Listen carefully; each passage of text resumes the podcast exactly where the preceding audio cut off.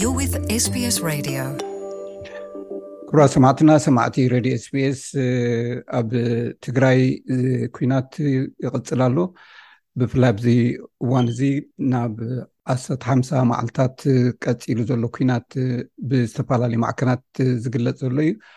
ነዚ ኣመልኪትና ተቐማጢ መልበርን ዝኾነ ኣቶ ልኡል ፍስሃ ኣብዚ ኩነታት ርድኢቱ ከመይ ከም ዝመስልን ብዛዕባኡ ሓፈሻዊ ገምጋም ክህበና እዩ የቐኒለይ ኣቶ ልኡል ዕድመ ኣኽቢርካ ስለ ዝመፃእካ እስኪ ብሓፈሻ ክልተ ዓመት ኣቁፂሩ ሎ ዝኩናት ብፍላይ እዚ ሕጂ ፍልይ ዝገብሮ እንታይ እዩ ብፍላይ ብዚ ሓምሳ ዓም መዓልታት ተኸሲቱ ዘሎ ኩነታት ብከመይ ትገልፆ የቕንየለይ በየነ እቲ ኩናት ያው ካብ ዝጅመር ባህርያቱ እናቐያየረ መፂኡ እዩ። ሕጂ ኣብዚ እዋን እዚ ዝግበር ዘሎ ብፍላይ ከዓ ካብ ነሓሰ ዓሰርተ ሽዱሽተ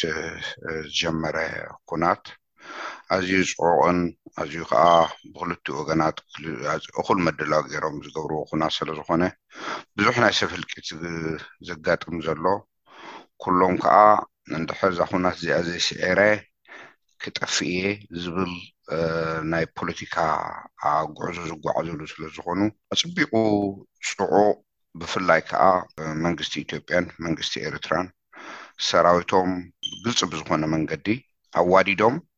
ትግራይ ንምውራር ዝገብርዎ ዘለዉ ፈተነን ብናቶም ኣበሃህላ ህወሓት ንምጥፋእ ብተጋሩ ኣረኣእያ ከዓ ትግራይ ንምድምሳስን ንምጉባጥን ኩናት ይገብሩ ከም ዘለዉ እዩ ዝርዳእኒ ሕራይ ማለት እዚ ኩናት እዚ ናይ ተተሳዒርና ናይ መወዳእታ እዩ ዝብል ብኩሉ ወገን ዘሎ ኮይኑ ይስማዓኒ ከምዚ እንድሕር ኮይኑ ብፍላይ ድማ ኣብ ትግራይ ዘሎ ህዝቢ ንዝተወሰነ እዋን ልዕሊ ክልተ ዓመት ኣብ ዕፅዋይ ዘሎ ብወገን ሎጂስቲክስ ብካልእ ቀረብ ክትሪኦ ከለካ ኣዝዩ ዝተሃስየ ክኸውን ይኽእል እዩሞ ክሳብ ክንደይ ክፀንሕ ይኽእል እዩ ኢልካ ትግምት ከምቲ ዝገለፅካዮ እውን ከቢድ ሓይሊ ስብ ከም ምኳኑ መጠን ብፍላይ ካብ ኢትዮጵያ ዘይጥንቀቕ ናይ ሰብ ሓይሊ ክህሉ ይኽእል እዩ ስለዚ በዚ ከምዚ ክሳብ ክንደይ ክፅናሕ ይከኣል ኢልካ ትግምት ብናትካ ኣብቲ ባይታ ዘሎ ኣብ ግምት ኣእቲኻ ማለት እዩ እንታይ ኢኻ ክትርዳእ ዘለካ ኣብዚ ህዝቢ ትግራይ ኮነ ህዝቢ ኤርትራ ቅድሚኡ ኣብ ብረታዊ ቃልሲ እናሃለዉ ብረት ገዚኦም ኣይኮኑን ዝጋደሉ ወይ ከዓ ምግቢ ገዚኦም ኣይኮነን ዝጋደሉ ካብ ፀላእቶም መንዚዖም እዮም ዝጋደሉ። ካልኣይ እንታይ ክትርኢ ኣለካ እቲ ኩናት መን እዩ ህዝባዊ ድጋፍ ዘለዎ ኢትዮጵያ ሎሚ ዋላ ናይ ኣእምሮ ሕሙማን ከይተረፈ ብግፋ እዩ ዝገፍፍ ዘሎ ኣብ ኤርትራ ዓበይቲ ሰብኡት ደቂ ስሳ ደቂ ሰብዓ እዩ ዘጋድል ዘሎ እቲ ኩናት ህዝባዊ ደገፍ ዘለዎ መን እዩ እዩ እቲ ቀንዲ። መን ብርትዖ ክኸውን ይኽእል ወይ ከዓ መን ነፅዋር ኣሎ ወይ ከዓ መን እዩ እቲ ሓያል ኢልካ ንምድላው እንታይ እዩ መስለካ ህዝቢ ዝሓቆፈ ሓይሊ ኩሉ ግዜ ሰዓራይ እዩ። ህዝቢ ትግራይ ከም ዝበልካዮ ናይ ሎጂስቲክስ ኣቕርቦ ፀገም ኣሎ፣ መድሃኒት ኣይረክብን፣ ምግቢ ኣይረክብን፣ መሳርሒ ኣይረክብን ኣሎ ተዓፅዩ ኣሎ። እዚ ስለዝኾነ ከዓ ጸላእቱ መጺኦም ካብ ዝጎብጥዎ ንሱ ቀዲሙ ነብሱ ክከላኸል ስለዝደሊ ህዝቢ ድጋፍ ዘለዎ ቃልሲ ዝግበር ዘሎ ብወገን ትግራይ እዩ። ብወገን ኤርትራ ከምቲ ዝርዳእኒ ኣነ እቲ ህዝቢ ድሌት የብሉን። እቲ ኣብኡ ውልቀ መላኺ ዝኾነ ስርዓት ግን ነቲ ህዝቢ ብሓይሊ ይገፎን የስልፎን ከም ዘሎን መረዳእታ ነዚ እንታይ ኢኻ ትርዲ ኣብ ኩናት ትሪኦ ውጽኢት ኢኻ ትርዲ ህዝቢ ትግራይን ህዝቢ ኤርትራን ተመሳሳሊ ዓይነት ባህሪ፣ ተመሳሳሊ ዓይነት ታሪኽ ዘለዎ ህዝቢ እዩ። ክጋደል እንከሎ ቅድሚ ሕጂ ኣብ ብረታዊ ቃልሲ ከሎ ናይ ኩናት መንፈሱ ንፈልጦ ኢና። ሕጂ ዝገብሮ ዘሎ ናይ ኩናት መንፈስ ከዓ ሕጂ ዘሪኦ ዘሎ ናይ ኩናት መንፈስ ከዓ ንሪኦ ኣለና። እዚ ዘርእየካ እንታይ እዩ? ህዝቢ ኤርትራ ነዚ ኩናት እዚ ኣይደልዮን። ስለዘይደልዮ ከዓ ኣፅቢቆ ይዋጋእን ኣሎ። ብናይ ኢትዮጵያ ምንም ክነግረካ ኣይደልን ብሄራት ብሄረሰባት ኢትዮጵያ ኩናት ኣይደልይዎን ሎሚ ግዜ ምስቲ መንግስቲ ንክገብርዎ ስለዘይከኣሉ ደኣ እምበር ኣብ ጭንቂ እዮም ዘለዎ ስለዚ እቲ ኩናት ሓይሊ ኣለዎ ኢትዮጵያ ብዝሒ ኣለዋ ሰራዊት ሓይሊ ኣለዋ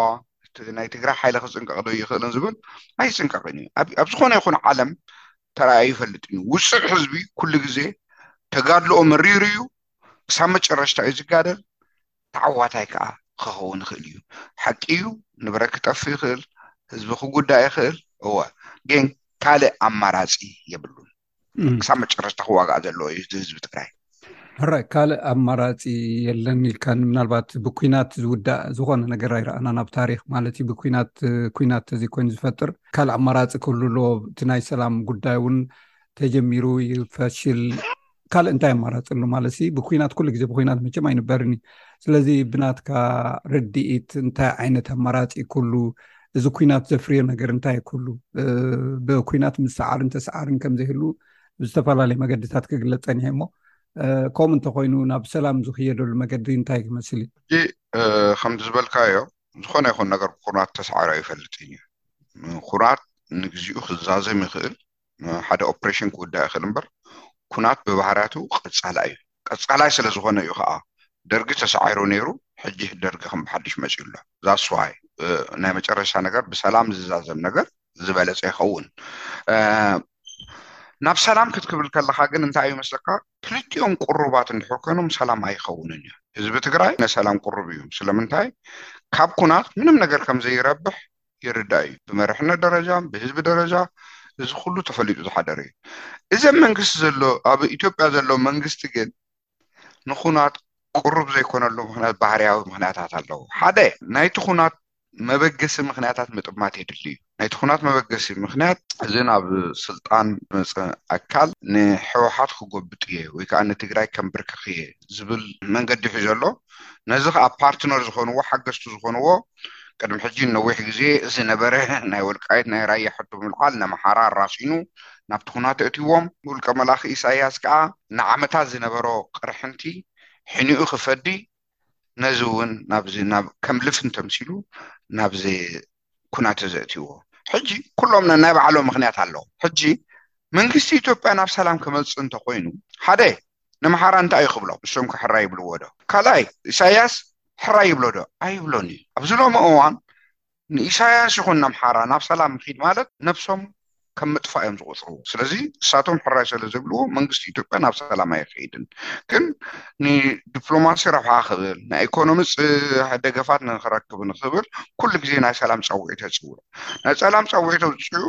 ኣብ ዝኾነ ይኹን መንግስቲ ትግራይ ነቲ ሰላም ክቕበሎ እንከሎ ዝተፈላለየ ምኽንያት ይቐርብ። ንኣብነት ብዝሓለፈ እዋን ኣብ ጅቡቲ ተቐሪቡ ተኹሲ እንዳጠጠሙ ናይ ምባል ኢሉ ናብ መንግስቲ ትግራይ ሓቲቱ ናብ ጅቡቲ እውን ከይዶም ጀነራል ጻድቃንን ኣቶ ጌታቸው ረዳን ከይዶም ናብቲ ቦታ እንታይ ኢሉ ንመራሕቲ የማኺረ ክመጽእ ኢሉ ሓደ ማንዴት ዘይብሎም ሰባት ከም ዝሰደደ ትፈልጥ ብድሕሪኡ ከዓ ምክንያት ድሓር እንታይ ኢሉ ናይ ሰላም ሚኒስትር ሚኒስትር ዴኤታ ታየ ደንደኣን ካልኦት ከምኡ ከኣ ሹማምንቲ ሰላም ክመጽእ እንተኾይኑ ሕወሓት ዕጥቁ ክፈትሕ ኣሎ ኢሎምዎ። ሕወሓት ዕጥቁ ዝፈትሕ እንድሕር ኮይኑ ወይ ከኣ መንግስቲ ትግራይ ወይ ቲዴፍ ዕጥቁ ዝፈትሕ እንድሕር ኮይኑ እንታይ ሰላም ኣድልዩ ኢዱ ይህቡ ማለት እኳ እዩ። ስለዚ ሓደ ዘይደልዩ ምዃኑ ትረድእ። ካልኣይ ሕጂ ብኦባሳንጆን ብኣፍሪካን ዩኒየን ኣብ ሰዑዝ ኣፍሪካ ጻውዒት ተገይሩ ጻውዒት ተገይሩ ክልቲኦም ተቐቢሎም መንግስቲ ትግራይ እውን ከም ተቐበሎ ገሊጹ። እንታይ ግን ኢሎም መግለጺ ኣውጺኦም መሊሶም ተኸታቲሎም ማለት እዩ? ሕውሓት ዝበሃል ነገር ኣይትፀውዑ መንግስቲ ትግራይ ዝበሃል ነገር ኣይትፀውዑ ዓማፂ ዝበሃል ፀውዑ እዚ ሕጂ ምክንያት እዩ መፍሸሊ ምክንያት እዚ እንታይ ዘረድአካ እቲ መንግስቲ ንሰላም ድሌት ከም ዘይብሉ መንግስቲ ኢትዮጵያ ንሰላም ንሰላም ድሌት ዘይብሉ መንገዲ ከዓ በቲ ኩናት ክዕወት እየ ኢሉ ዘይኮነሲ ብኤርትራን በምሓራን ዘሎ ናይቲ ሰላም ዘይምቕባል ድሌት ዘንጸባርቕ ምዃኑ ይርደኣካ። እምበር ከምቲ ዝበልካዮ ኣማራጺ ናይ ሰላም ኩሎም እዚ ኩናት'ዚ መዕነዋይ ምዃኑ፣ ኢኮኖሚ ዝሃሲ ምዃኑ፣ ህዝቢ ዘጥፍእ ምዃኑ ተረዲኦም ናብ ሰላም እንተዝመጹ ሰላም እቲ ዝዓበየ ኣማራጺ እዩ። ስለዚ ከምዚ ትብሎ ዘለኻ ኩሉ ነገር ዕጹው እዩ። ምክንያቱ ብዙሕ ዕንቅፋታት ስለ ዘሎ ናብ ሰላም ከይከይድ እቲ ናይ ፌደራል መንግስቲ ብዙሕ ዕንቅፋታት ከም ዘለዎ ኢካ ትገልፀለይ ዘለካ እሞ እሞ መወዳእታ ዳ እንታይ ማለት መመሊሲ ዝሓተካ ዘለኩ ናይ ብዙሕ ሕቶታ ናይ ብዙሕ ሰብ ጭንቀት ስለ ዘሎ ብዚ እዋን እዚ እስኻ ምናልባት መፍትሒ ከይትህብ ትኽእል ኢካ ግን ዝረኣየካ ነገር ግን ክትዛረብ ስለትኽእል እየ ዝዛረብ ዘለኩ እሞ ኣብ መወዳእታ እዚ ኩናት እዚ ሳብ ምንታይ እዩ ክዓልብ ኢልካ ኢካ ትፅበ ብፍላይ ኣብዚ ቁርብ እዋናት ተዘይኮይኑ እቲ ጥፍኣት ካብ መዓልቲ ናብ መዓልቲ እናገደደ እዩ ዝኸይ ዘሎ ስለዚ መወዳእትኡ እንታይ ኢኻ ትፅበ ኣብዚ ቁርብ መዓልትታት ወይ ኣዋርሕ ኣነ ብኢትዮጵያ ዘሎ ኩነታት ኣየተሓሳስብን እዩ ኣብ ኤርትራ ወይ ካብ መርሕነት ወይ ካብቲ ወታደራይ ኣብቲ ዘሎ ግዕዙይ ስርዓት ወይ ከዓ ፀቓጢ ዝኾነ ንኤርትራ ሕጂ ኣነ ዝሪኦ እንታይ መስለካ ህዝቢ ትግራይ ጥራሕ ኣይኮነን ዝብደል ዘሎ ሕጂ ህዝቢ ኤርትራ እውን ይብደል እዩ ዘሎ ኢኮኖሚ ናይ ኤርትራ ይህሰ ኣሎ መንእሰይ ናይ ኤርትራ ይህሰ ኣሎ